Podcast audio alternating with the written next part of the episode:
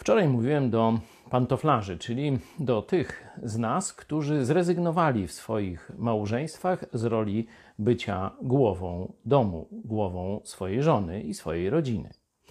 Mówiłem, żebyście zaczęli od, można powiedzieć, takiego ruszenia dupy z fotela, żebyście przyjęli przynajmniej minimalną odpowiedzialność za to, co się dzieje w waszej rodzinie. Choć twoja żona rządzi, to jednak parę jeszcze aspektów w rodzinie na pewno pozostało, gdzie ty możesz pokazać, że jesteś człowiekiem odpowiedzialnym. Ale dzisiaj chciałem, żebyś poszedł głębiej, żebyś się zastanowił nad tym, co robisz, żebyś zrozumiał, że swoim postępowaniem obrażasz Boga. Niezależnie, czy jesteś wierzący, czy niewierzący. Swoim postępowaniem, gdzie nie przyjmujesz Bożej roli przywództwa w rodzinie i odpowiedzialności, i miłości do żony, obrażasz swego Stwórcę.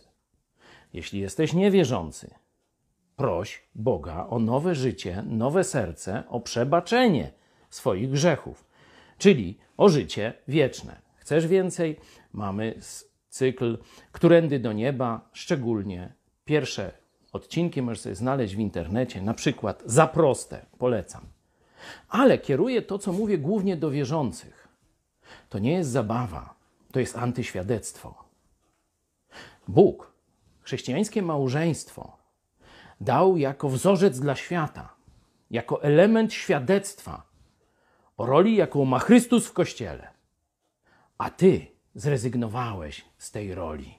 Ty urągasz Bogu zrozum to, że dalej, kontynuując ten wzorzec ze świata, że to żona jest głową domu, a ty jesteś tylko takim chłopcem nieodpowiedzialnym na posyłki, urągasz Bogu i nawróć się.